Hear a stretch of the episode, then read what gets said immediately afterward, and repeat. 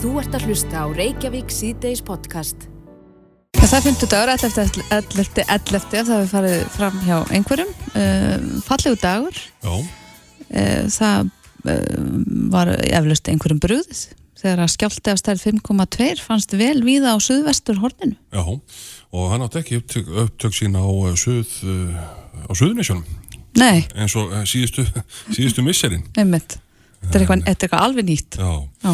En uh, þetta er, uh, ég skalti að stenni, já, 5,2, hann reyði við klukkan að verða hálf 2 í dag og uh, átti upptök sín suðvestur af vatnafjöllum, en uh, þetta er eitthvað í nálað við, við heklu, ekki satt? Jú, hvað ætli sé að gerast þar? Við erum komið með Þorvald Þórðarsson, professor í eldfjallafræðum á línuna. Góðan og blessaðan daginn. Góðan daginn. Já, hva, hvað þýðir þetta, þessi jarðskjálti? Það því það var, það er kannski ekki alveg þetta að segja til það hvað, hvað fyrir ákvæmt. Þetta er nú sennilega reyfing á hérna Suðurlandskjáltabeltinu eða, eða fyrir sprungu sem var být til Suðurlandskjáltabelti. Mm. Ekki austast að luta hennar, þetta var hann undir vatnafjöldum sem er reyndar eldursvæði og oft tekið svona með heklu en er talið þá vera basalt hlutin af heklukerfinu. Þannig að þetta er svona uh, basaltröðin sem hafa komið upp um góðsprungur á því svæði og, og flætt þetta uh, söður eftir sko.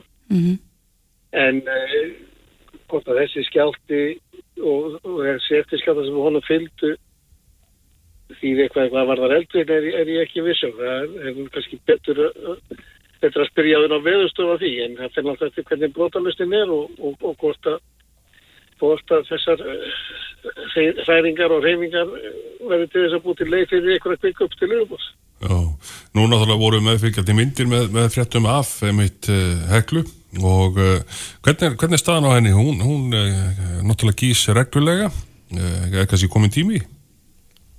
Já, miða við það minnstu sem hefur verið á henni undan farið 50 ár þá náttúrulega löngu komin tíma á hana og, og mælingar benda til þess að hún sé að uh, staðan á henni þannig að hún sé alveg tilbúin í gós en hún lætir sig standa. Það er þess að það var frá 1970 þá voru gósi svona á 10 ára fresti. Og uh, síðasta gósi árið 2000 þannig núna er komið 21 ár sem að síðasta gósi var þannig að hún uh, eitthvað lætir sig standa og það gæti vel verið að, að þú sé bara farin í pásu það er, við þekkjum þá sögu heklu og að, að, að hún getur tekið sér pásu í svona 150-200 ár. Og gerði það reyndar sem sagt eh, rétt fyrir landnám og tók sér alveg pásin til 1104 Já, það voru, engin heklugós allavega við þekkjum ekki neinn heklugós á þeim tíma. Þá sem sagt fyrir landnám og, og til 1104 og, og hún byrjaði náttúrulega góðstíðanbyrja á sögulegum tíma með Dr. Látu og þetta gós 1104 og þetta er stórt sprengjugós það myndaði gjóskufært víðum, víðum land sko já. og er, und, er undanfari heklugos yfirleitt alltaf jarðskjaldi kannski á borði þannig sem að var í dag? Já, það hefur nú yfirleitt fylgja þessum uh, góðsum dóttir stóri skjálta sko og það er svona uh, undan farin sé svona eitt, kannski tveir þetta eru stóri skjáltar.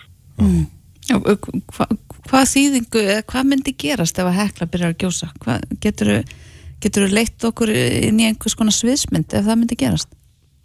Það er nú sennilega mjög svipað því sem að var sem sagt 1991 og 2000 Uh, það er það frekar lítil gós uh, tóldi afmikil í byrjun Mm. það er góð sem við kallum subklínísk eftir klíní uh, gamla hérna sem maður skrifaði lýsi.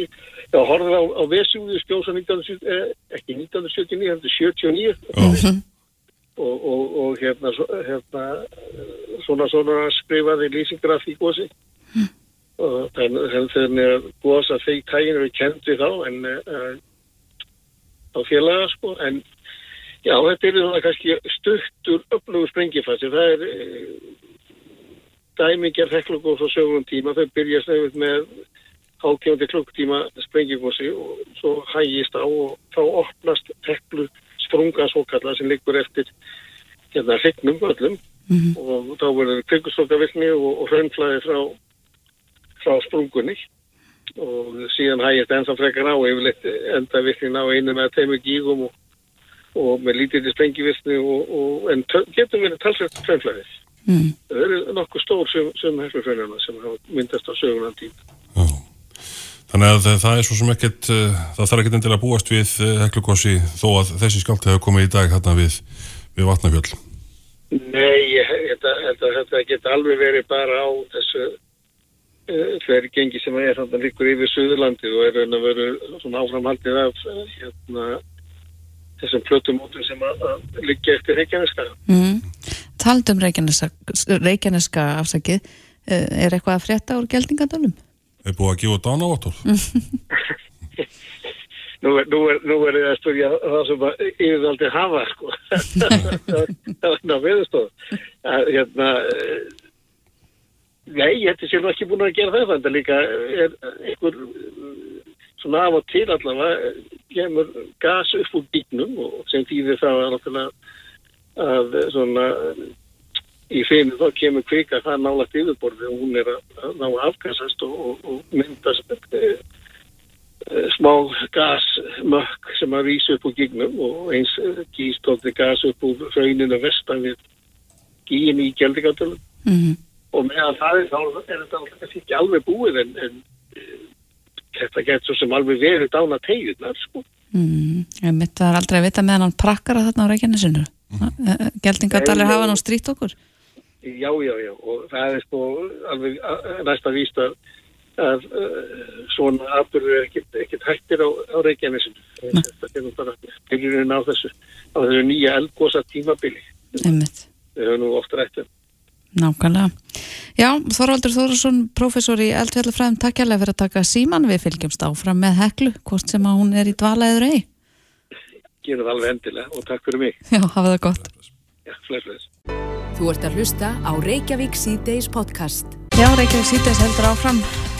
Það er frekar dökk staða í COVID-málum. Já, þetta er orðið 200 mass á dag. Algjörlega, þriðja sólringin í röð er með sleið þegar kemur að fjölda smittara hér á landi sem er alltaf enga veginn og gott og það er þungt hljóð til dæmis í viðbörahöldurum sem hafa sendt frá sér yfirlýsingu Já, og við erum komið Þóról Gunnarsson sóttvarnalæknir á línuna góðan og blessaðan daginn Já, góðan daginn. Já, hvernig er staðan? Er, þetta já, manni fallast bara hendur yfir öllum þessum vafasum metum sem er að falla? Já, já, það uh, fellur með þetta hverjum degi núna og, og þetta er bara stefnið beint upp í loft, sko.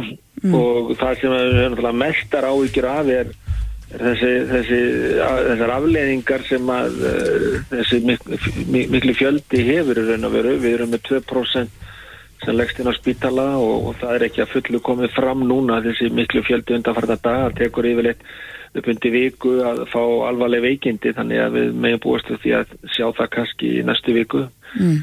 Eh, þannig að það er, það er eitt eh, nú við erum náttúrulega að sjá útbreytt veikindi líka þó að fólk styrir ekki leggja sinna spítala sem að, sem að og það mun hafa mjög eh, miklar afleggingar fyrir atvinnulífið og atvinnustarfsemina í veikindi fólks. Mm Uh, og svo náttúrulega getur þetta farið að vinda upp á sig því að það kerfi sem við höfum byggt upp til að reyna að halda svona faraldrinum í skefjum það er svona, uh, við náum ekki alveg að halda í við þessa miklu fjöl, fjölgun, þá er ég að tala um rekningateimið og COVID-göngudeildin sem að uh, sko þarf að fylgjast með bara uh, langt yfir þúsund manns -hmm. uh, í, sem eru í einangurinn heima þannig að þetta er svona, eh, þetta er ekki gott Nei. en það sjáum við hvað er að gerast í öðru löndum þetta er ekki, að það er verið að herða nánast allstaðar og menn er að, að, að hérna, virkilega að breyta um kúrs Mm. þannig að það er ekki bara við sem erum að hugsa um þetta og það eru aðri líka og, og þannig að við erum ekki eini í þessu Nei, þú segir eh,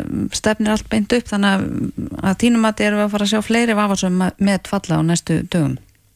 Já, mér finnst það nokkuð líklegt því að það mun taka upp undir viku að sjá af, hérna eh, afleiðingar af afléttingu eða hvernig eða herðingu eða árangurinn af því sem við erum að gera þannig að, þannig að það mun ekki skila sér strax inn í, inn í tölurnar alveg klárlega. Mm -hmm.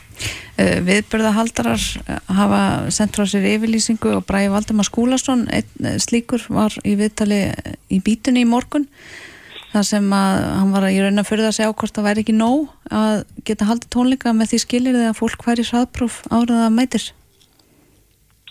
Jú, jú, það eru margir sem eru uggandi yfir þessu og, og hafa áhyggjur af þenn takmarkunum sem að, sem að getur komið og, og hérna ég skil það bara fullkonlega en, en við erum náttúrulega, má ekki gleyma því að við erum að reyna að takmarka þessi smitt og, og viðbúrðhaldarar eða tónleikahaldarar eða hverju sem það nú eru það, það verður kannski ekki mikið um tónleika þegar smittin fara að berast í allan þennan hóp líka mm -hmm. með mikill útbreyslu þannig að þetta snýst ekki bara um það að hafa takmarkanir heldur getur við séð enn verri afleiðingar af mikill útbreyslu smitta í samfélaginu. Mm -hmm. og ég held að með nættun aðeins að skoða það ef að, ef að fara að koma mikill veikindi inn í alla þessa hópa að þá þá verður ekki mikið um viðbörðahald en við þurfum einhvern veginn að sigla millir skers og bári í þessu. Já, Eh, hvernig með smitrakningu? Eh, verður hún eh, svona erfiðari eftir því sem að tölurnar hekka? Já, já, alveg klárlega. Ég menna það þarf að hafa samband við miklu fleiri og það eru kannski 40% af þeim sem er að greinast eru er í sóttkví þannig að meira hlutin eru utan sóttkvíjar sem að sem að skapar mjög mikla vinnu og, og, og við erum, höfum verið að auka við mannskapin í smittrakningunni og því það er mjög mikilvægt að ná þeim sem eru útsettir og hafa ekki enþá mynda veikindi eða farið að smita reynum að loka þá af uh, í eitthvað tíma meðan það er þannig að það fari ekki að smita mm -hmm. fleiri, um 10% af þeim sem eru í, í sóttkví uh, munu sko veikjast og geta þannig farið að smita út frá sér, það segja bara tölunar okkur mm. Nú erum búin að vera í þessum faraldri í tæp tvö ár um, ef þú meðar bara við önnur tímabill á þessum tæpi tveimur árum, e, er við í mestum vandastödd akkurat núna? Eh, þetta er kannski ekki, það er ekki einfalt svar við þessu. Eh, við erum, sko, við, það, það var náttúrulega verða að standa í þessu í kannski byrjun og fyrst því að þá vissum við ekkert hvað við vorum að eiga við. Mm -hmm. Við vissum ekkert hvernig þetta myndi verða, hversu alvarleg veikindin er við, hversu margi myndi leggjast inn á spítala. Núna vitum við það nokkurt veginn og hefum verið að sapna þeim upplýsingum það sem er verra núna, við erum að eiga við afbreyði sem er miklu meira smittandi en fyrir afbreyði. Jafnveg er að smita bólusetta. Fólk er að veikjast fyrr eftir að það smittast, uh, heldur en við fyrir afbreyði. Og svo er það sem við erum að eiga við líka núna, það er, svona, uh, er ekki eins mikil samstaða í samfélaginu. Mm -hmm. Fólk er þreytt og leitt á þessu. Og í byrjun var, og fyrir í faraldurinn var miklu meiri samstaða með því sem var verið að gera þó að fólk væri kannski óanægt með ymsar svona aðgerði sem voru í gangi en, en núna er þetta bara miklu verða og það er allir að kvarta yfir öllum aðgerðum og þannig það er eins og að fólk haldi þetta leysist bara sjálfu sér mm. en uh, við erum náttúrulega búin að vera að höfða til eh, einstaklingsbundina sóttvarna og hvetja fólk, það er ekki að döga við erum trátt fyrir það að fá faraldina betur við loft og og þá getur maður spursi hvað, hvað, hvað er þá til ráða. Ég held að það er í skjálfilegt ástand ef við letum þetta bara ganga við samfélagi, þá myndum við lenda í gríðanlega vandamálum. Hmm. Ég skynja svona, ég veit ekki hvað orð maður á að setja það, smá pyrring í þeir núna.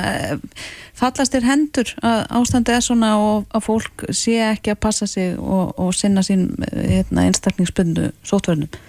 Nei, það er ekki einn pyrringur í mér, ég er bara benda á bara þessi atriði sem að skipta máli og, mm -hmm. og ég er að reyna að koma þessum málflutningi fram og þannig að fólk sem að er að, er að svona andmæla og, og, og vill ekki taka þátt í þessu að, fólk reyna að gera sér grein, sér grein fyrir því um hvað þetta snýst eila, sko. Mm. Þetta mhm. snýst ekki um það að hlutinni rettist bara einhvern veginn það, það við þurfum að vinna aktíft í því mm -hmm. það er ekki pyrringur ég er bara að benda á uh, þessa auglösu staðrændir mm -hmm. En uh, ég les hérna á vísi tilvöldun í þig þar sem að þú ert með beinharðar tillegur í, í bígerð getur eitthvað sagt okkur nánar um það? Nei, ég get nú ekki sagt okkur meira um það ég hef nú aldrei lagt að ég vana minn að vera að tala um Það er tillegur sem ég kem með til ráðherra, ráðherra þarf að fá bara ráðrum til að melda það með, með sínu fólki og, og ákveða síðan eh, til hvaða e, hérna, eh, ráðstafana verður greipið. Mm -hmm, mm -hmm. En talandu aðeins um veiruna sjálfa, hvað er að frétta af henni? Er þetta er, skal ég segja delta plus afbríðið er það ekki? Er það hún sem er að gera þennan ösla í Európa? Nei, þetta er bara delta afbríðið. Delta, já. Já, já, það er bara búið að vera ljóst núna aldrei lengi að, að það er miklu meira smitandi og er að smita jæfnvel full bólusetta mm -hmm. og, og fyrir afbríðin gerði það ekki bólefnu voru meira virk gegn þeim mm og, og þannig að um, er, þetta gerist bara hægt og bítandi og, og því miður verðist þetta að vera að gerast bara í öllum Evrópulöndum nánast um, mikil uppgangur í, í til dæmis í Þískalandi og, og vandamál þar þannig að þau, þau verður að fara að grípa til hertari aðgera til dæmis og þannig að það er bara allir eiginlega í þessu sama meðan kannski svíjar þeir við skanga eiginlega einna besti af þeim núna Já, og er það fyrst og fremst þetta öfriði sem er að gera þennan lösla? Já, já, já, það er það sko. mm. Þannig að við þurfum að fara að undirbú okkur uh, fyrir því að jólinn verði með sama sniðu í fyrra, eða hvað? Já, ég veit að það verður bara ráðast held ég hvernig, hvernig þetta verður, hvernig þetta þróast og nei, ég vona að við þurfum ekki að vera í þessum búblum eins og við vorum í fyrra mm -hmm. en, en það verður bara komið ljós held ég. En jólahlaðborðin eru nú vendarlega einhverja hættu? Já, ég held að við erum bara að sjá núna til dæmis hópsíkingar, stórar hópsíkingar undanfæri koma upp úr svona uh, skemmtanahaldi þar sem að uh, varúðar aðstafan er ekki gætt mm -hmm. með til dæmis þar sem að fjölda mörg viðast ekki vera í lægi, nánd eða grímur eða, eða hérna fólk er ekki að nýta sér sæðgreiningaprófan á þennan fólk kemur og, og það er bara stór smit að koma upp úr slíkun sangkvæmum og og það er það sem er að valda meðal annars valda vandraðum núna mm -hmm. Ég veit það Þórólur Gunnarsson, Svotandaræknir, bestu þakki fyrir þetta og gangiði vel. Já, takk sem er leiðis. Þetta er Reykjavík C-Days podcast. Ég er kannski búin að tala þetta eins upp. Já. Heldur það? Þú aðeins. Það er enginn smá pressa á manninum sem er á línunni. Mm -hmm. Það er Snorri Másson, blaðmar hér á vísi stötu á Bilgjunni. Góðan og blessaðan daginn.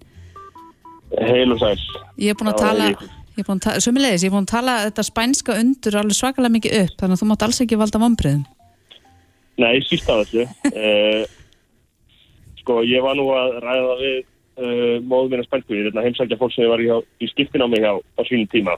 Mm. og ég var að segja þannig að ég er að spjálsa við þau í útdarkunum uh, spænska kraftaverki og hún sagði nei, nei, nei, nei, nei þetta er ekkert spænst kraftaverk heldur er þetta afrakstur skipilags og vísinda, þetta er ekkert kraftaverk. Þetta er uh, sem sagt algjörlega, uh, þetta var bara vandarverk og þetta er bara nýðustaf þessi mm -hmm. Hva, Hvað um, eru að tala um? Hvort það er kraftaverk eða vísendalegt afreg, hvað er spænska undrið? Já, ég meina það sem ástæðan fyrir að ég verða að vestæði fyrir mér undan þetta er ég er hérna í fjóðspánu og ég uh, verði að blada í, í þýskum minnum og þar er þar eru tveir stærsti þýsku Um, meðlæri Þískalandi búin að skrifa um þetta með þessum svona fyrirsögnum, hvað spænska undrið eða akkur spannverðin gengur svona vel í barðinu með COVID-19. Mm. uh, og ég sömulegis auðvitað bara búin að ræða við fólkina fyrir vegi undan fyrir þetta og bara svona alveg spjall. Og þar er fólk svolítið að tala með þess að rivjast svolítið upp með hvernig við tölum í upphafi farðursins, það er að segja sko þegar slutinni voru svona meira minna í skorðum hjá okkur en ekki öðrum, þá hefst alltaf hjá held í hverju þjóð svona ákveðin eh, ákveðin svona oflof á sér sjálfum sko þá, og hérna eru allir að tala þannig núna eins og þau séu algjörlega búin að sérast á þess að meðan við erum að sjá stærsti fylgjur eh, frá uppafi rýsa í sko hvort það er Þísklandi eða á Íslandi eða í Fraklandi mm -hmm. þannig að þetta er svona allt önnur stelning en var í uppafi faraldurs þegar mm. fólk eh, gemdi lík inn í eh, hokkísölum vegna þess að spítalarnir voru yfir fullir eh, Þannig að það er svona rosalega breyting sem eru orðið á umræðinu í áfáni og núna er hún svona öll að fá leið að þetta sé rosalega, já, heppast vel það, menn ég er auðvitað að segja þeim að, að fenginu okkar helstu, ég er að segja þeim að þetta munum fara aftur á staði fyrir eina að tvær vikur. Hvernig er ástandið á spáni núna? Það eru uh, litla sem engar takmarkæri. Ég var bara á klubnum hérna til fimm um helgina. Uh, allir uh, blindfullir og fýlik óöld og, og gjálífi, mm -hmm. en uh, grímuskyldan er hins vegar allsáðandi. Það hafa aldrei verið fallið frá henni og það er svona eiginlega það helsta sem við tellja að valdi þessu ágætt ástandi núna er að fólk einhvern veginn virkilega tekur sko já, þessa möndru sem við erum auðvitað alltaf að tala um en við erum ekki alltaf að fylgja uh, um persónulega sóttarnir. Mm -hmm. uh, hér er því bara tekið alvarlega og fólk er virkilega svona persónulega að vanda sig. Þannig að maður finnur að það er svona smá munur. Hjá okkur er þetta alltaf einhvern veginn vestur alltaf þeim takmarkunum sem eru gildið. Ef það eru litlar þá lítum við svo á að við getum hafað okkur eins og, og bafiðanar. Mm, þannig að spánverðar er í rauninni að hlusta meira á Þórólf en við kannski? Já, þeir hlusta sinn Þórólf og, og, mm. og, og svona einhvern veginn eru uh, á, sinn hátt svona samsteltari núna finnst mér en við á meðan við erum komin í rugglið aftur uh, og erum fann að rífast rosalega mikið um COVID-19 þá finnst mér eins og tónin hér sé meira já það er auðvitað líka verðan þess að það er ekki takmarkanir það er takmarkanir eru svona fyrirbæri sem klýfur okkur Mhm. uh, hérna er enga takmarkanir þannig að það er aldrei að vita hvort það breytist þegar þetta gerist en enga síðan finnst mér þess að konverðar séu svona þeir eru alltaf bara, þeir eru mjög mikið að berja sér á brjóst og þú feikir að frétta tímanum þá eru þeir með samanbörðin algjörlega á hreinu þar sem að það verður að tala um ástandið er sæðilegt í öðrum löndum en, en hér svo sannlega ekki sko. Mm En Snorri, ert að segja mér að þú hefur verið með grímu til fimm um morgunin á næturklúbi? Nei, það er náttúrulega hitt að, að ég var ekki með gríma á þeim klubi og, og það er í sjálfum sér sko held ég ekki skilda heldur sko auðvitað er mér að það uh, einhver bröð að að, fólk sé ekkit algjörlega ábyrst Mhm. uh, og uh, það er svona grínast með það að þetta sé svona bara að þessi grímuskylda uh, í, í raun og veru í öllum hurðarópum þar að segja, þú verður að vera um grímu þegar þú ferði inn hurðina en um leið þú kemur inn þá ertu svona af skiljanlegum ástæðum uh, með leiðið að taka það á þeir eða ert að drekka eða borða Mm. hins vegar er það þannig að grímuskyldan er sko þannig að, að ef þú ferðin á til þessi vinnustad uh, þar sem fólk er að vinna í sama rými þá á það að vera á grímu og ef að lauruglan sem að hún gerir fer hérna inn og sér að svo sé ekki þá hafa þeir heimil til þess að sekta það um 150 eurur Já. og þetta er sekt sem ég er að tala um mann frá Sevilla og hann var, hann var gættast með að dóttir hans hafi verið að vara hann við þessu í sífællu að hann yrði sektaður og fær ekki að hlýða þessu og, og viti menn hann var bara sektaður og þurfti að borga brúsan uh, þegar hann var á bar sko. þannig að uh, það, það eru grímuskildinni er tekið mjög alvarlega, hún hefur ekki verið afnuminn uh, nema kannski að hluta í Madrid þar sem að stjórnvöld eru svolítið að öðru máli en, en sagt lands, landsstjórnin sko. Mm. En þú sagðir á hann sko, mm, það er náttúrulega engar takmarkanir og það eru takmarkanir sem að skipta okkur í fylkingar en spánverðar hafa nú þurft að þóla ansi harðar takmarkanir á þessum tæpi tveimur árum. Já, og, og það er mitt líka vegna þess að spánverðar eru líka mjög framalega í bólusetningu og þeir eru, uh, ég, ég, ég sé það útskipt þannig að trámat sem hér varð í mars, april, mæ 2020 þegar sko, sjúkrahúsin voru ekki bara yfir fullheldur, var bara algjörst stjórnleysi í, og, og döðsföllin voru slíka að sko, ég var að horfa fréttnar ykkur gær og þar var verið að segja frá því að uh, sko döðsföll 2020 hafi verið töluvert fleiri enn í vennilega árfæri sem er ekki raunin heima. Þar hafa döð, þar í raun og veru held í min- minni með að döðsföll hafi bara jafnvel minka sko. Vegna þess að það, það var svona hlutvarslega, þá fengum við ekki þessar, þessar svakalegu tölur eins og hér. En hér var ástandið, þau voru lokuð inn í tvo mánuði, fólk sem ég þekki sem bjóði Madrid var að læra þar, uh, gæti ekki farið aftur í þorpið sitt, bara mátti ekki fara út úr húsina, má, mátti ekki fara upp á melli staða í tvo mánuði, var lest inn í tvo mánuði, sko, þannig að þetta, þessi reynsla er á meðan þess sem fólk heldur að, að geti valdið í að, að spánur að séu, ólíkt til dæmis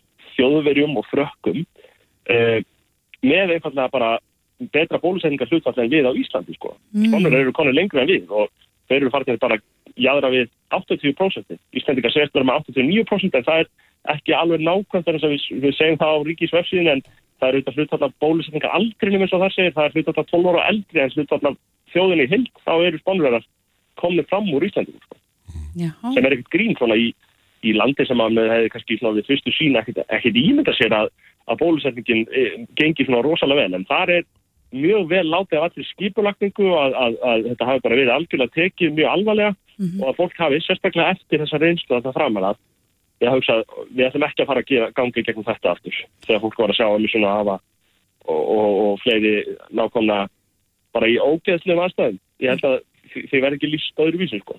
nei. Einmitt, eh, en Snorri, þú ert búin að fara á næturklúb um, á ferðin þínum spán. Uh, hvað ætlar að gera með það? Verður lengi á spáni?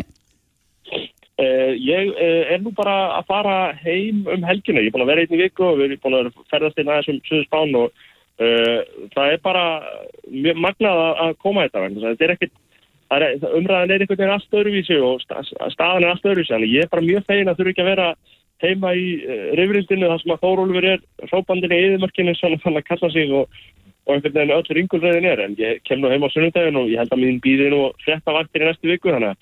ég vissum að ég muni alls ekki fara að varflita þessari ágættu umröðu sem núna verist verið að fasta. Nei, passaði bara að drekka nóg af sangri og borða nóg að tapas að hún kemur og þá ertu góður. Jú, ég held að ég muni gerðsannlega nýta allan kótan uh, rétt síðustu dagana og, og, og koma heim já, svona, uh, og jafna mig bara þar. Já, það er gott að heyra. Uh, Snorri Másson, fréttamaður hér í húsi á Söðurlandsbrödd á Spáni eins og er. Takk kærlega fyrir spjallið. Reykjavík síðdeis á bylgjunni. Singulstegi dag í Vók fyrir heimilið. 20-50% afsláttur á Vók.is.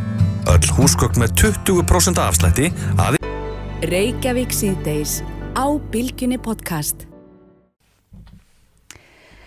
Við rættum það hér fyrir vikunni uh, nokkuð sem heitir kirkjujarðasamkomulæð. Já, þetta er eitt af þessum nýju, nýju orðum sem að maður lærir á þessu ári. Jú, einmitt, þetta verður svo sem ekki mikið verið í umræðinni en Sigger F. Ævarsson, frankvæmtastjóri Siðmendar, hann skrifaði um þetta pistilinn á vísi og saði hreinlega að þetta væru óhagstæðustu samningar sem ríkið hefur gert. Já, þetta er ykkur miljardar. Þetta eru einhverju miljardar og miljardar ofan. Mhm. Uh, í þessu spjalli okkar við Sigger þá myndist hann á það að þetta hefði náttúrulega verið ákveðið leini samkomula, það hefði ekki verið mikið vitað um þessa jarðir. Nei.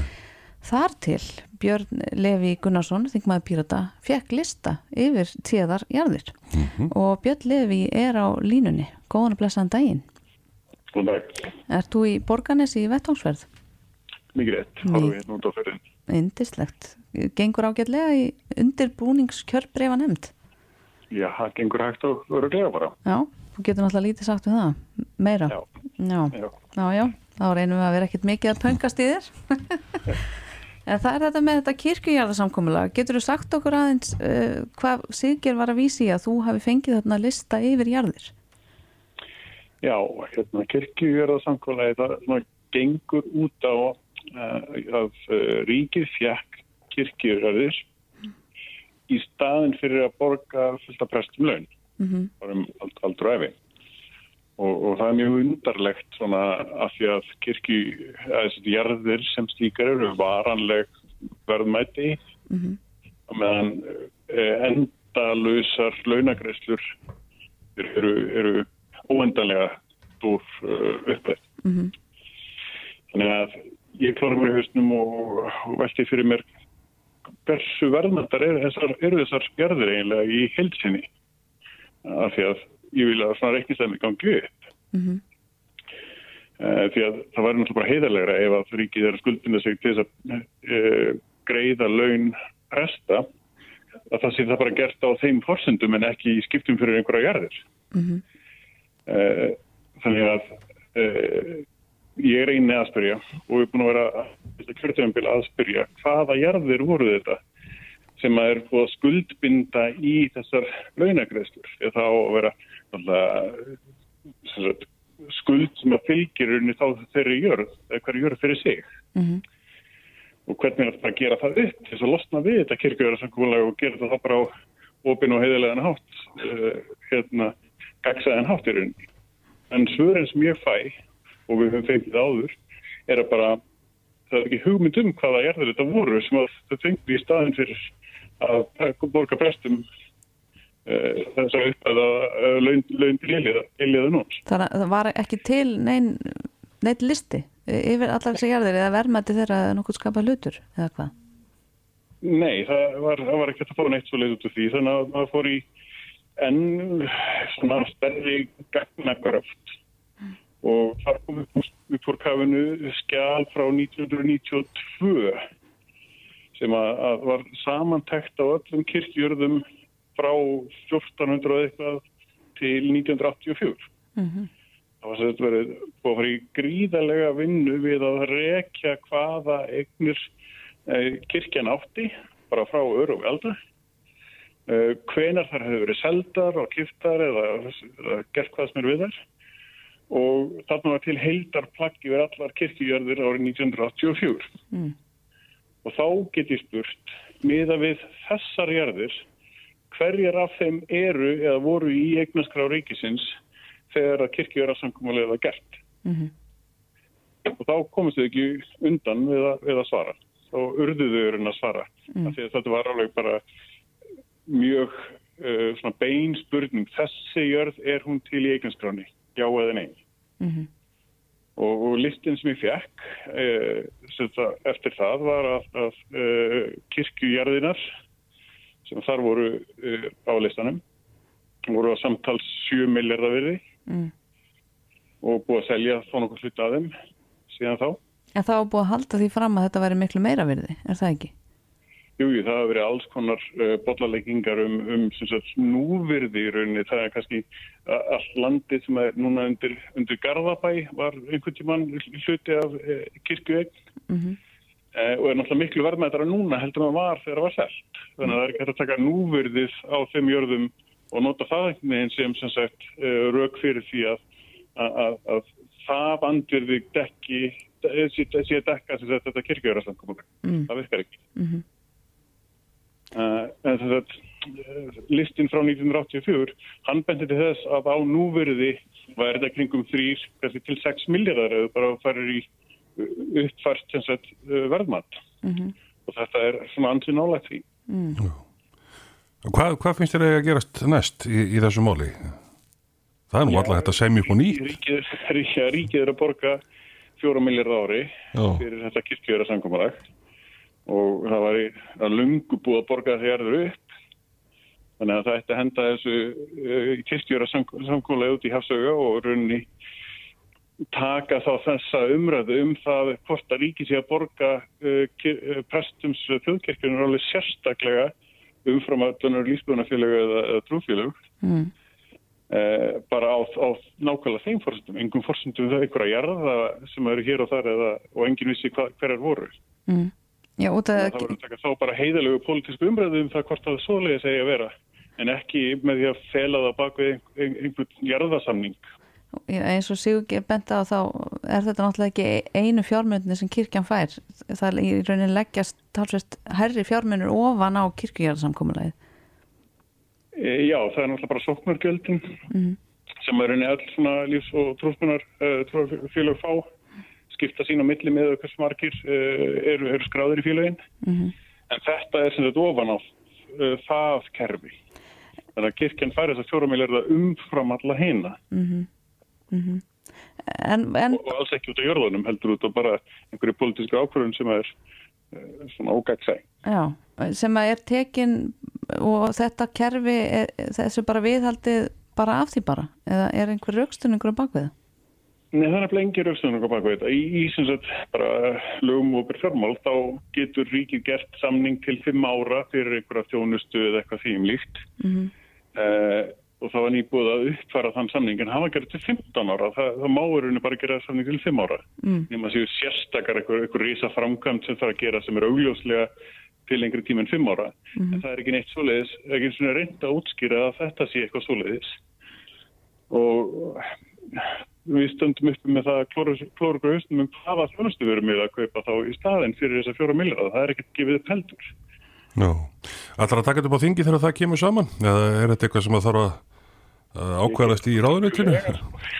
Ha, Ég gerir það reglulega, er, en þess að ég er búið að taka allt í þetta kjörðjöfabilin í fjörlega nefnd að fá að gríu út þessi gögn. já, Ég er búin að leggja það til ítrekkað að uh, hætta þessu, þessu fjármagni til uh, þjóðkirkjunar. Því að, að það þarf náttúrulega ákveða í fjár, fjárlugum hvers árs að greiða þessa fjóra milljarða. Mhm. Þannig að ef þingið ákveður í fjárlugum að bara gera það ekki, að þá er það rauninni að rifta samningnum og hvað það þýðir er kannski óljóst en það er ljósara núna. Það þýðir það að það er 7 miljardar samningur eh, um, um, um jarðinar á bakvið Mhm. en við erum búin að borga einhverja 60 miljardar í hildsinni. Mm. Hversu sangjart er það? og þessi fjóri miljardar ári getur nú vantilega nýst í eitthvað annað Um, auðvöldlega. Ég, ég horfi oft í, þegar maður fer svona hingað og þangað um land og hérna á Íslandi líka er gríðilega fallegu sko, kirkjur hingað og þangað. Mhm. Hversu mikið betur væri við stödd í mentakerfi eða heilbreyðiskerfi ef við le- legum saman metnað í, í trúar uh, sem sagt, eh, í, í mentastofnanir og heilbreyðistofnanir og, og gerum í sem sagt, svona trúar trúarhús. Mhm. Þetta værum, værum komið mikið lengra. já. En nú í þessu gróskiðinu þú, en kannski örlega reykist á eitthvað, eitthvað sambarilegt eh, það sem að eitthvað hefur legið í dvala í, í mörg ár og eða jafnlega ára tugi og, og kostar sitt. Já, þetta er allavega stærsta svona viðvarandi, það eru náttúrulega einstaka eh, upphæðir hér og þar. Núna er náttúrulega nýja landsbíðalina að kosta 16 miljardum meira svona allt í einu og, og það er vantanlega vannmatt þegar allt kemur til alls. Mm. Eða var náttúrulega akstusgreðslunar eins og, ég rætti hérna áður, en það er, er ekki, það eru smá munir og með við fjóra miljardar ári. Mm Einmitt. Já, það þú, já, eh, þú ert í borganesi getur, er eitthvað þetta mm, að segja til um hvenar við fáum einhvers konar niðurstöðu frá undirbúiniskjörbrennend bara svona svo ég aðeins prófiði meira Já, ætli við verðum ekki búin hérna eitthvað síðdegis. mm. Já, við nákvæmlega kvænar, sko. og fá, er, er, er niðurstöða að vænta í, í, í þessar viku hún er nú að verða búin Já, já, meinar af hérna, ekki ekki að borgarnarsverðin heldur bara af undirbúinskjöfum. já, býða, býða margir með öndin í hálsinum Já, ég ekki trúa því, ég gera það eiginlega. já, Mm, sérstaklega þeir sem eru að reyna að mynda ríkistjórn. Já, vonandi í næstu viku, en ég, ég þóra ekki að setja það. mm. Æmitt, já, gangið vel Björn Lefi Gunnarsson, þingmaður Pírata við höldum áfram að fylgjast með kirkjújarsankomuleginu og að sjálfsögðu með undirbúnings kjörbræðanend. Takk fyrir. Reykjavík síðdeis á bylginni. Það er dagur einhleipra í dag. Já. Singles Day, eins og það heitur á ennsku Mm Kínvest fyrirbæri sem að verslanarissin AliExpress ber ábyrð á, held ég alveg öruglega eh, ef mér minni rétt. Og það eru ímsar netverslanir sem bjóða nú mikla afslætti á þessum eina degi. Og enn eru nokkri klukkutíma til stefnu til að gera góð kaup. En uh, á þessum degi var haldinn hátegisfundur í dag uh, í Norrannahúsinu um hvernig við getum við umhverfisvæn á Já. svona tilbústöðum veist þú það Bræði? nei, stórt er kannski ekki alveg, en hérna, ég er tilbúin að fræðast. Þú er tilbúin að fræðast, það er gott. Því hér er sest Karin Björg Eithórsdóttir hún er verkefnastjóri sjálfbærni mælikvarða hjá Reykjavíkuborg og ein af lofslags leiðtón 2021 Verðst velkomin. Takk ekki alveg fyrir. Eh, Ég verð nú að byrja að spyrja lofslags leiðtói hvað, það er rosalur titill. Já, akkurat. Þetta er verkefni í gegnum eh, Háskóla Íslands. Og við erum nokkrir ungir einstaklingar sem voru valin inn á þetta námskið og erum svona raunin bara að ebla okkur í loslasmálum. Við erum öll með okkar verkefni sem við erum að vinna að og fórum í göngu núna í sumar með Vilborgörnu og já, hittumst bara við og við og svona valdeflum hvort annað. Einmitt, þannig að þeir eru svona vonarstjörnur okkur Íslandinga í lofslagsmálum Ég segi það nú ekki, en, eh, en við reynum, við reynum okkur besta. Það er gott.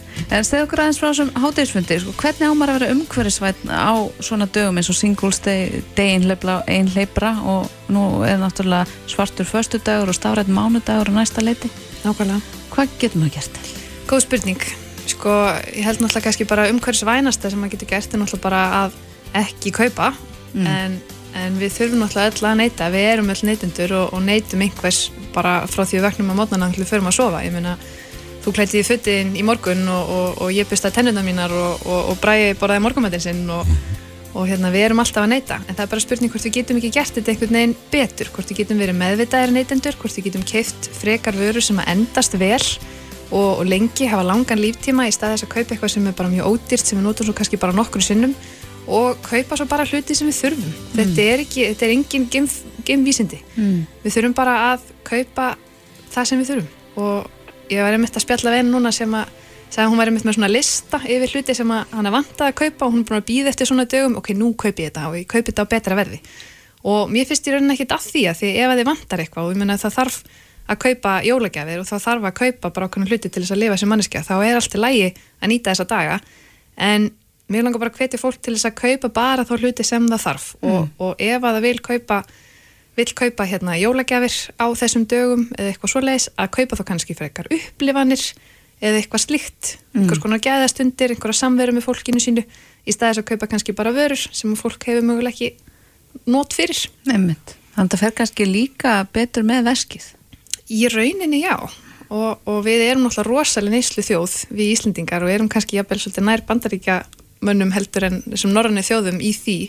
Og, og það eru bara ákveðnir áskoranir í því. Og við vorum svolítið að fara yfir þetta í dag á þessum hátegisfundi þá fengum við að tala við einstaklingar sem hafa verið úti á lofslagsráðstöfnu saminuð þjóna og þar var einn sem að sagði til dæmis frá því að, að það er búið að gefa það út að heimsmarkminn með 12 sem er ábyrg neysla og framleiðsla er okkar stærsta áskorun á Norðurlöndunum af því að við neytum rosalega mikið og, og hún sagði einn í dag hérna að Ísland væri með stærsta neyslu kólefnisspor í Evrópu.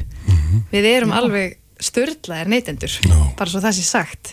Þannig að ef við getum kannski neitt líka bara að finna einhverja aðra hluti sem gleði okkur líka að því að oft er þetta kannski til þess að svona hvað kallar maður, bara svona veita maður einhverja gleði eða uppfylla eitthvað í manni sem maður kannski bara þarf ekki eða er kannski bara eftir að uppfylla einhvern veginn öðru sér þá er það bæði gott fyrir veskið og fyrir umhverfið. Og það skiptir bara máli. Nú er náttúrulega þessi mikli vestlunardagur uh, 11.11 og uh, fólk er að vesla ímist á netinu eða fara í búðina og vesla vöruna. Er einhvern munur á því að vesla í gegnum netið eða að fara á staðin og kaupa vöruna þar? Ummitt, sko þessi vestlunardagur í dag, Day, er orðin stærsti vestlunardagur í heimi, hann er mm. stærri heldur um svarti festdagurinn og það er mitt bæði í netsölu og í þessum hefðbundnari vestlun um, ég veit svo sem ekki hvort það sé betra að fara á staðinu eða kaupa á netinu, ég held að fara bara rosalega eftir vörunni, hvernig hún er gerð hvað ætlar að nota hana í og svo lesin auðvitað erum við náttúrulega eigi át á ballarhafi þannig að ef við kaupum eitthvað á netinu þá þarf ofta að, að flytja það einhvern veginn til landsins og það er bara stort kólumspór sem fylgir með því mm -hmm. þannig að ef við getum keift lokalt, við talum ekki um vöru sem eru framleitar hérna á Íslandi sem þurft ekki að flytja inn, þá erum við strax búin að minka kólumspór okkar mjög mikið og á sama tíma ebla bara runni yðnaðin hérna heima og ebla, ebla já, litlu lokal umhverjusvænu hérna, framleiðanduna mm. og það er miklu betra heldur en að kaupa af þessum stóru keðjum sem að pæla oft bara miklu minna í þeirra áhrifum á umhverfið? E Einmitt, það hefur verið mikið rætt um upprunamerkingar á matvöru, til dæmis kjöti. Akkurat í, í þessu samingi en hvað með upprunamerkingu alls hins sem við kaupum? Eins og núna á stingulstegi við erum að kaupa fött eða ylvötn eða hvað sem er. Ég hef nú ekki tekið eftir þessi mikið um upprunamerkingar eða hvaðan varan kemur. Einmitt. Ég hef ekki séð þetta sjálf heldur en ég vona að þetta fara að koma en maður hefur heyrt að þetta er aðeins flóknara með vörur eins og fatnað og svoleiðis að mitt geta mælt kólumnisspor hverja veitnar flíkur. Mm -hmm. um, en það er komið mjög spennandi fullt af spennandi verkefnum sem að mæra til dæmis kólumnisspor matvara. Og til dæmis voru við að ræða við hann eh, Sigur Torlasís hjá Epplu, hann var að segja okkur frá hérna, matarspori sem er svona kólumnisreiknir fyrir matværi á Íslandi.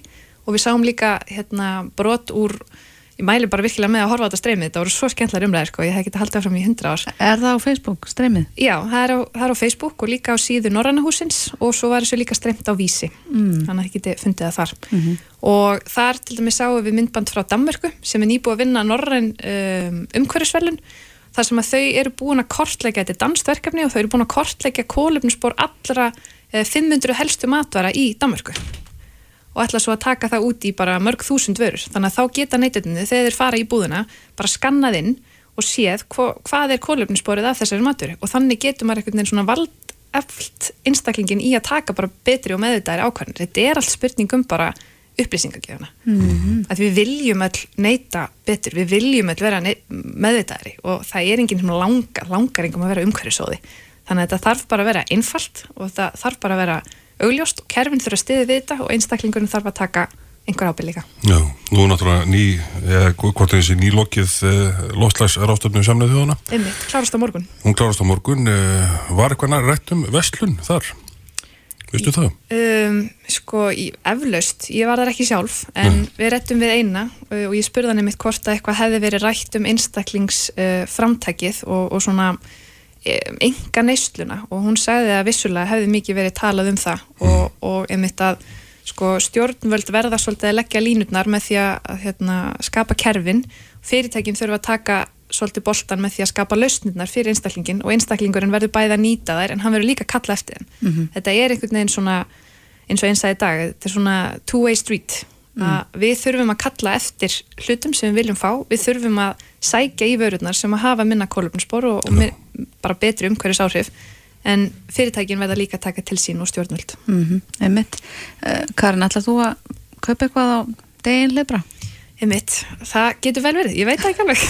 Ég er bara ekki búin að hafa tíma til að skoða það. Uh, þannig að ég veit ekki, mér, mér langar í, í nýja úlpu, ég er búin að sögum úlpunni dúnúlpunni sem ég var svona 15 ára þannig að ég hafði hugsað mér að já, nú kannski komið tíminn til að nýta þessi tilbóð mm. en, en það skiptir mig líka máli að það komið frá góðum framlegenda þannig að ég veit ekki hvort ég gef mig tíman í dag til þess að fara að skoða veist, hvaða merkir er góð, Patagonia og, og eitthvað svona, þau eru oft svona umhverjusvætni þannig að ég sjáum til Þannig að ábyrg hegðun neytenda mm -hmm. er nummer 1 og 3 já. við þurfum að hugsa áður um við kaupum og kaupa það sem við þurfum, ekki allt sem við viljum. Nákvæmlega, og fylla okkur bara með öðrum hlutum, hlýju ástfinna og, og, hérna, og gera einhverja skemmtilega upplifinu saman. Það er bara frábært að gefa það í gafir líka. Já, þetta eru góð loka orð á þessum mikla verslunar degi.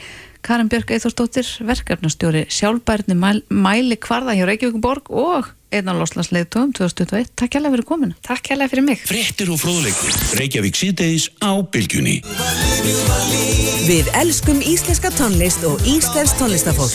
Tónleikaröðum Bilgjan og Ramagnuð heldur áfram á 50. kvöldum hjá okkur og næst kemur til okkar Pátt Óskar. Findu paljettujakkan og gýraðu upp klukkan 8 næsta 50. kvöld. Einnig verður hægt að horfa á tónleikana á stöð 2 vísi. Vertu með okkur í óramagnuðu stemmingu næsta 50. kvöld á stöð 2 vísi og Bilginni. Nýtum betur, notum minna. Slökkvum ljósinn og spörum rafmagn. Verum upplýst, verum onn. Heilsuvara vikunar á Bilginni er Nutrilink. Er þú að leitað upplögum liðstyrk? Nutrilink Gold er sérhönnuð bæteefna blanda hönnum með það að markmiði að taka á fjölmörgum þáttum sem tengjast bættri liðhelsu. Nutrilink Gel er gott bæði fyrir og eftir reyfingu og er frábær viðbót við Nutrilink Gold. En gelið má nota bæði á vöðva og á liði. Nutrilink Active er bætiefni sem fyrst og fremst er ætlað þeim sem þjást að minguðum liðvegva. Nutrilink öflugur liðstyrkur er heilsuvara vikunar á bylginni. Njóttu þæginda og öryggis með Webasto bílaheitarunum. Bílasmiðurinn, bílsöða 16, sími 567 2330. Sparaðu sporin og aurana. Vörleit já.is rekur smiðsveikið á jólængkupin á Singles Day þann 11.11. Já er svarið. Ó, hvað það væri gaman eða væri til búð sem var hægt að skreppa í eldsnögt. Svona eins og opna ískapin heima hjá sér. Heyrðu, alveg rétt. Krambúðin. Hvern ætla þú að gleyðja í dag? Blóm gera kraftaverk. Íslenski blómabændur. Förum beint í tjekk ef við finnum fyrir enginum. Við erum öll almannvarnir. Singles Day á skór.is 22,22% afsláttur af öllum skóm. Aðeins í dag. Skór.is Kíktin á 11.11.is og skoðaðu öll frábæru Singles Day tilbúðin. Kláraðu jólin á netinu, sparaðu pening og fáðu sendt heim. 11.11.is Boss rafgeimar fást hjá Kemi og á kemi.is Fjöldi Singles Day tilbúða á pennin.is og í verslun okkar skeifinu 10. Pennin húsgögn. Þú finnur fallega íslenska hönnunarvöru í jólapakkan á vorhús.is. Við pökkum inn, skrifum þín skilabóðakortið og sendum jólapakkan heim til viðtakanda. vorhús.is Gjafabrefið fyrir veiðimannin fæst í Vesturöst. Vesturöst, laugavegi 178. Gjafavöru veslu veiðimannsins. Bótaréttur.is 520 51 00 Allar vörur á 11% afslætti. Aðeins í dag. Computer.is Mikið úrval rennihurðabrauta frá GC. Járn og gler, skútuvogi. Járngler.is Singles Day í dag. Þetta er Reykjavík C-Days podcast. Áfram örkum við hér á þessum fallega fymtudegi. Eh, mér finnst alveg ótrúlega magnað að þessi svona síðustu tvö árin, eitt, tvö árin, þá hefur verið meira í umræðina, umræðina ungt fólk er byrjað að fjárfesta eins og vindurinn. Já. Eitthvað sem að mér hefði aldrei dótt í hug þegar ég var um 20, ég veit ekki með þeim bara ég. Já, já, þetta var svo sem ekkit ofalega í huga þá. Nei, og náttúrulega mjög óaðgengilegt í rauninni. Já. Og nú er ég að horfa hér á bókakápu með þremur ansi reffilegum píum. Bókin heitir einfallega fjárfestingar og það eru komnar hingað frá Fortuna Invest, Anita, Anita Raut Hilmarsdóttir og Rósa Kristinsdóttir, við erum velkonar. Takk. Fortuna Invest, hvað er það nokkulega? Já, uh, Fortuna Invest er sem sagt í rauninni vettvangur á Instagram sem að hóf gungu sína í byrjun þess árs og markmið með þessum vettvangi var í rauninni bara að búa til svona plattform þar sem við gætum komið aðgengilegum og skiljanlegum upplýsingum um, um fjárfestingar og fræðslu uh, á svona hvetjandi og skemmtilegan hátt og þannig reynd að auka þáttöku hjá fjölbrytum hópi í fjárfestingum. Mm, þannig að þið eru bara á Instagram. Mhm. Já.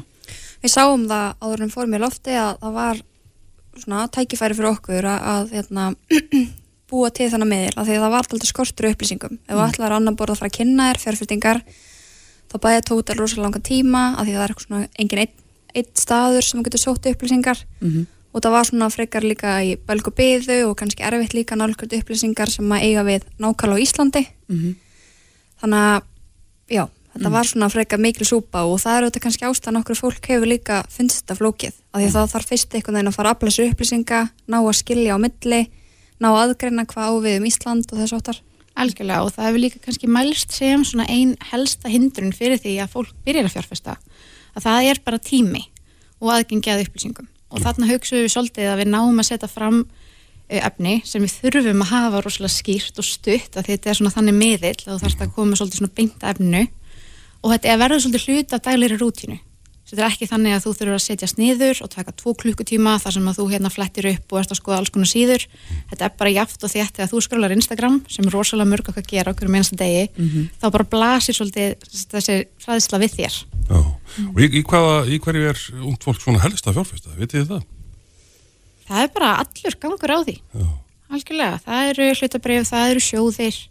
Auðvitað margir sem kaupa sér fastegn með klála fjárfesting Svo þetta hefur verið kannski svona aðeins fyrirfæra meira á samfélagsmiðlum, svona umræðum rafmyndir og þess áttar. Mhm.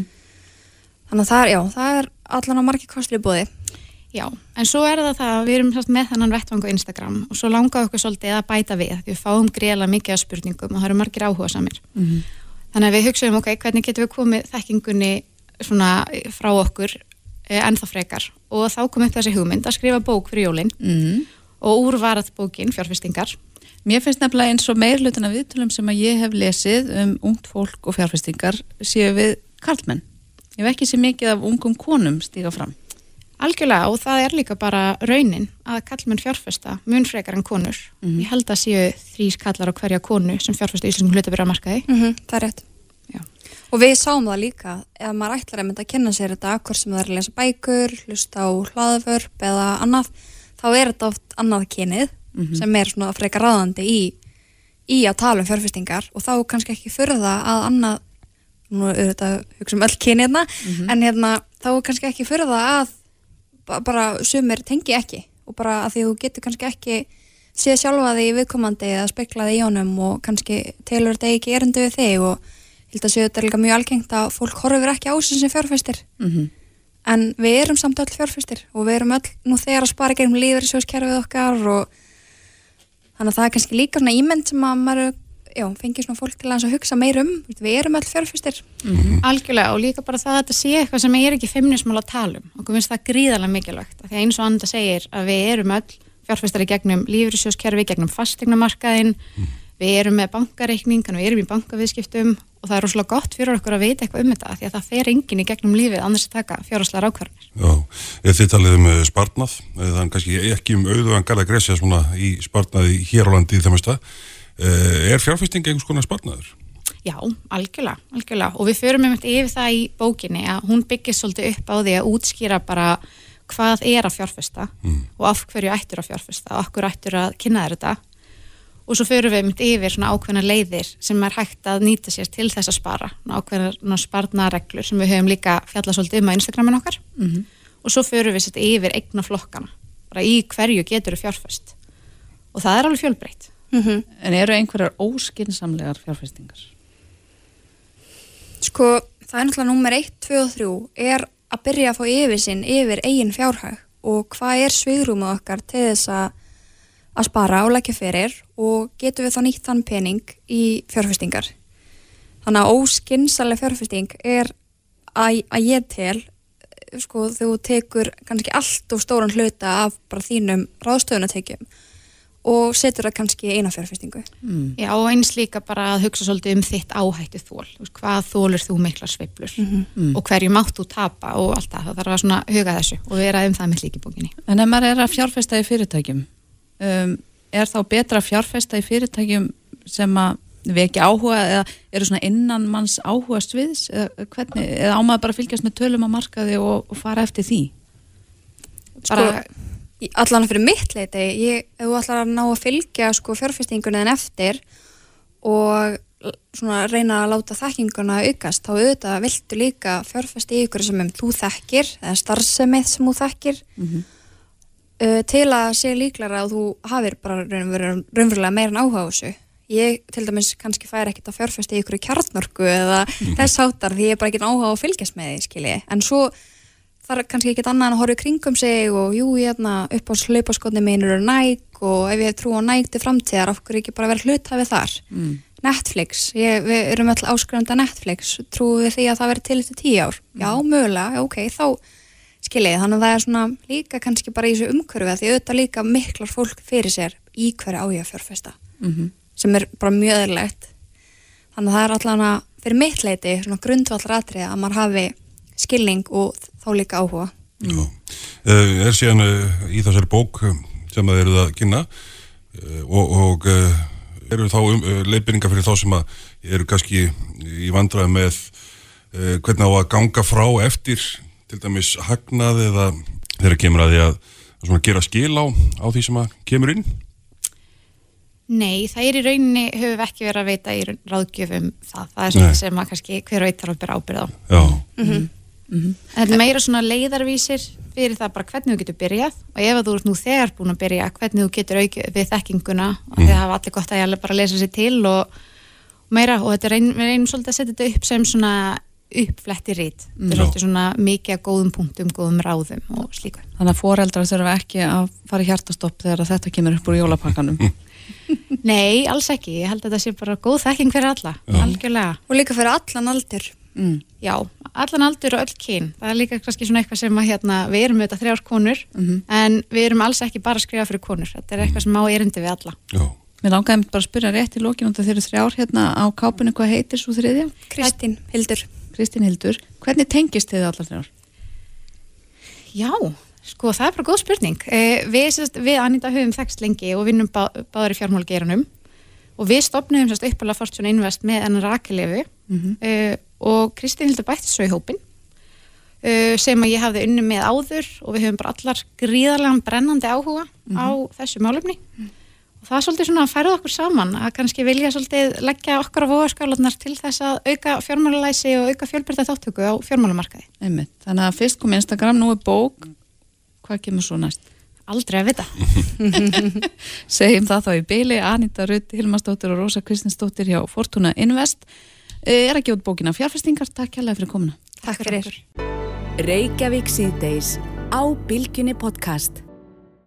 Já, Bræði, íslensk bjórmenning, hún hefur nú aldeilis blómstræðandi farið. Ég, það er óvægt að segja það Ég Það er bara úr ótrúlega miklu úrvalega að, velja Algjörlega, ég man nú ekki hver margir jólabjórnir eru orðnir, þeir eru farin að slaga upp í 200 Jú, tegundir eða ætli eitthvað slíkt. En uh, við fengum við af því að uh, ákveðin bjór sem heitir svolítið skemmtilegu nafni, sem ég ætla ekki að segja alveg strax, uh, hafi hlotið alþjóðlega viðkenningu, sérst, uh, hafnað á, í fyrsta sæti alþjóðlegri bjórkeppni Brewdog. Kannast kannski einhverju Brewdog Reykjavík, Já. en Brewdog er sem sagt uh, alþjóðlegt merki. Mhm. Og hér eru komnir Hjörvar Óli, Hjörvar Óli Sigursson, bjórsérfræðingur og barþjótt, barþjótt hjá Brewdog, eini vottaði bjórsérfræðingur Íslands og Hlinur Árnason, bruggmestari Böl Brewing. Verið velkomnir. Takk fyrir. Já, Mér langaði nefnilega ekki að segja nafnið á bjórnum út að mér finnst það svo sniðut að mér langaði að þið myndu segja mér það. Hvað heitir þessi velunabjór? Já, ég að segja. Þessi bjór heitir We Took Them in the Bakery. Þetta nafn kemur frá einum, eða frá einum vakstjórnum á Brúdók, Bjarnar. Um, í rauninni hugmyndin var að þetta er bjór sem að er öðna, bruggaður með snúðum frá Brygg Mhm. og minnir svolítið á bara svona súkulaði kirsuberja tóna og, og svona bakari stemmingin. Og við vorum að reyna að vinna, vinna með þetta í í íslensku setningu að taka einhvern í bakari sko, tókum við bakarið Mhm. og það var, það var líka planið, við ætlum að taka samkeppnina í bakarið Og það tókst. Já, og við beintýttum þetta bara, við tókum þetta og séðan í staðan verið að segja bakery og svo bara bakari því að okkur fannst það fyndið. Hvernig, hvernig var fólk að taka í þetta nafn? Herðu, uh, bara hinga til hefur fólk verið mjög sátt með það Reyndar, við fáum einn erlenda ferðamenn og þeir byrjum bara hérna We took them in the Bakari. Og bara fatta ekkert augljóslega fatta ekkert hvað djókið er sko. Það er, en nafnið er búið að, að það tekur mikið pláss á spjaldinu því að sko uh, til að útskýra kannski keppnuna svolítið þá uh, eru 78 brúdókstaðar um allan heim, uh, aðalega á Breitlandsegjum sem að um, brugga bjóra í samstæðu við brugghús sem eru nálat þeim svo er í ákveð miklu upplægi svo eru þeir bjórar sendir á kútum út um uh, á alla hinastæðina og síðan uh, smakka gestur á gangandi bjórin og gefa bjórnum engun á uh, smáfóritinu uh, Untapped sem er svona bjór um, enguna app sem að svona, sa bjór samfélagsmiðl í rauninni Mm. og svo sem að endar með hæstu engurina eftir ákveðið langan tíma vinnu fyrstu velun og svo þau velun eru að fá að mæta til, eða þú kannski sagt eitthvað meira um hérna, hver velun eru Hlynur. ég man ekki alveg nákvæmlega hvað þið fáið að gera Já, ég held að þeir úti séu bara að þau eru ennþá ákveða það sko.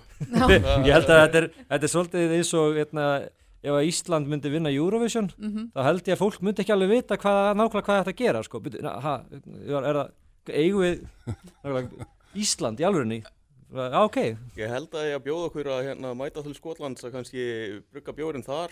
Mhm. Það verður allavega risastort partí sem okkur verður búið í. Mm.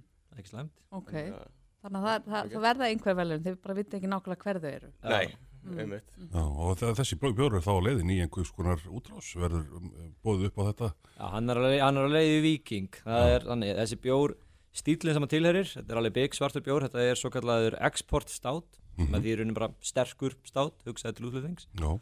og hann er bruggaður með hérna, sérstöku geri sem kallast kvækger, það er norskt svona pínu villiger þannig að við köllum hann hérna, uh, export, uh, kvæk viking export stát Já. þannig að þetta er vikingabjór Já, það, er þarna- Já, nákvæmlega. Það er mikið lykt á hann ég, sko, Bjórin sem þið eru búin að hella í glas fyrir mig hann er hérna einhvern meter frá mér og ég finn vel lyktin á hann Já, já, já, það er, þú vinnur ekki keppni öðruvís en að það sé mikið bráð og mikið lykt Já, já, nóg að gúmilaði í honum, sko. Já, nákvæmlega. En þá er ég með spurningu sem svona ekki mjög fróð manneski um bjór og drekka vill bara það næsta sem býðist sem Mhm. að kannski er ekki svona fínt og flott uh, getur hver sem er drukkið þetta, er ég, er ég að fara að fíla þetta?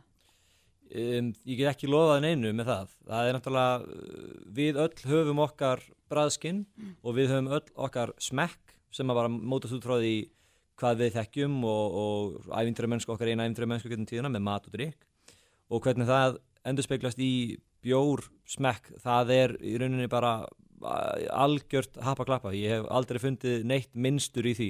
Já, en, er en er eitthvað svona kunst a- eins og með vín, eh, hvernig ég á að drekka þetta? Ég myndi segja að um, bara ekki taka of stóra sopa í einu, bara leiðu, hérna, leiðu þess að liggja á bræðleikunum í smá stund. Mm.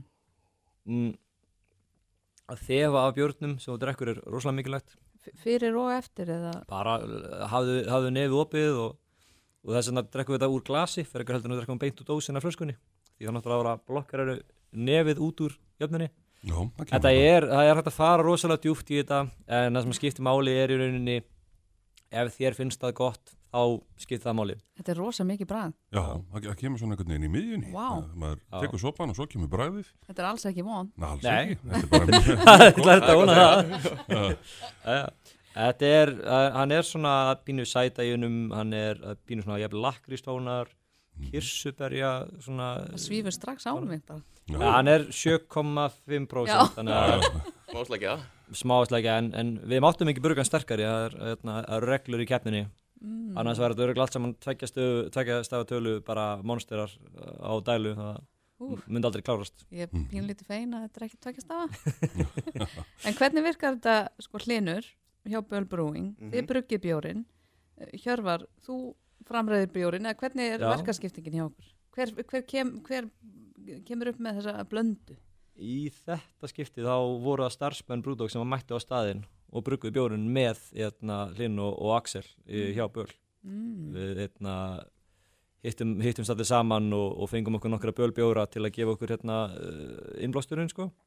og, og síðan var það bara var ég öllu skellt í. En hugmyndaþróunin var samt ekki, það var ekki ég var ekki partur af því þá, svo mikið eða hvað? Nei, við, við hérna, vinnum hugmyndavinnuna saman. Hérna, við og, og Brúdók grúið Mhm. og já, síðan hérna sáum við um að bruka björn Ok. Ég, ég veit ekki hvort að fólk þekkir þetta nafn Böl Brewing. Eh, Hvað er Böl Brewing? Ja, þetta er hérna tilturlega nýtt brugghús, uh, svona eins og hálsás gamlir núna. Þetta er hérna um, bara flökkubrughús, það sem kallað er, þannig að við erum ekki með neina fasta staðsendingu, heldur bara skjótum okkur inn á tanka þar sem við getum hjá öðrum. Og um, já, böl, það er hérna ákveðin gálgahúmor, það er vísun í sem sagt hérna uh, heimsenda vána sem að átt að koma frá gróðurúsáhrifum Mhm. en hérna stuttu eftir að við vorum búin að stopna fyrirtæki þá skall COVID á, í rauninni bara viku eftir sko. Já. Þannig að þetta er ekki vísun í COVID, við höfum haldið okkur alveg frá því að vísa í það. Mhm. Þið er ekki búin að bruka bjór sem heitir bóluefnið eins og Borg gerðu? Já, einmitt. Og ég tek líka að þú ert í svona böl peysu. Já, já. Hmm. Enginn er sklænaðurinn, mikilvægt að vera ábyrrandi. Já, og með húfu líka. Já, já. Það eru fá, fá brugghús sem eru bæði brugghús og tískumerki, en þeir eru það. Já, já. Maður, maður sér þessa peysu úr, úr kilómetri sjálfæð, Einmitt. mjög einkirandi. En uh, we took them in the bakery Já. Rétt, eða ekki? Það Hann bara það. hárrétt. Já, takk, takk, takk Mjög, mjög eftirminnilegt nafn gerðanlega. ég, ég, Mér finnst ég hérna, ákveðins heiðus aðnjótandi að fá smakkan sko. Ég mjög hann bara þræl góður. Hann er bara mjög góður En uh, get ég keft hann einhvers þar? Hann er ennþá á dælu á Brút og Reykjavík. Mhm. Bjóðum upp á hann í bara svona 200 millilitrum í senn, þannig að það er svona eins og eitt fullt svona smaklas. Ég held að það sé hálfur kútur eftir. Það er nefnilega ekki mikið eftir. Hver Eh, var það seinastur? Egið þið einhverja byrðir ykkar megin? Nei, þeir eru allir komnir. En, en það, það er náttúrulega góð fréttinar eru þar að þessi bjór er að fara í stærri framlýslu í gegnum hérna Brúdók í Skotlandi að, að öllu líkitum. Þannig að hann mun, ef það er eitthvað að marka á hvernig a- aðrir sigurverar hafa gert áður þá fer hann á flöskur og fer þá bara í dreifingu. Við fengum flöskur af bjór sem var, hérna, sem að vann í fyrra eða hitti fyrra. Já, þannig að þetta er í sjálfu sér bara hefðbundi bjór þannig séð. Já. Þetta er ekki jólabjór, hann er ekki að taka þátt í jólabjóraflóðinu. Nei, alls Svo, ekki. svo maður hérna plöggið sér samt sko. Að nú getur maður plögg, nú, nú, nú komið tíma til að plögga Já. Því að sko, ef Einn af- ef- ef þið vil fá að smakka bjór sem bræðast ekkit ósvipað og þessi Já. þá eru við með þetta hérna Hérna, Svört jól heitir hann og er einn af þremur jólabjörum frá okkur. Mm. Kallum hann Chocolate Milk Stout Já. og hérna fyrir meira bara í súklaði hliðina Mhm. og hérna, já, þessi verður bara fáanlegur í vínbúðum í næstu viku. Já. Einmitt það Hefðu við segjum bara til hann mikið með þetta. Og skál Og skál. Hjörvar Óli og Hlinur Takk hérlega fyrir komuna Takk fyrir okkur Takk fyrir okkur Og þá er þetta bara að vera búið hjá okkur í dag. Já, við gangum ágætlega hífuð út í kvöldið bræmin 7%. ekki Já. nema Við bræðið þökkum fyrir samfélgin í dag og verðum hér aftur klukkan á morgun en nú koma fréttum og við vonum að þið eigið indislegt kvöld Hlustaðu hvena sem er á Reykjavík C-Days podcast.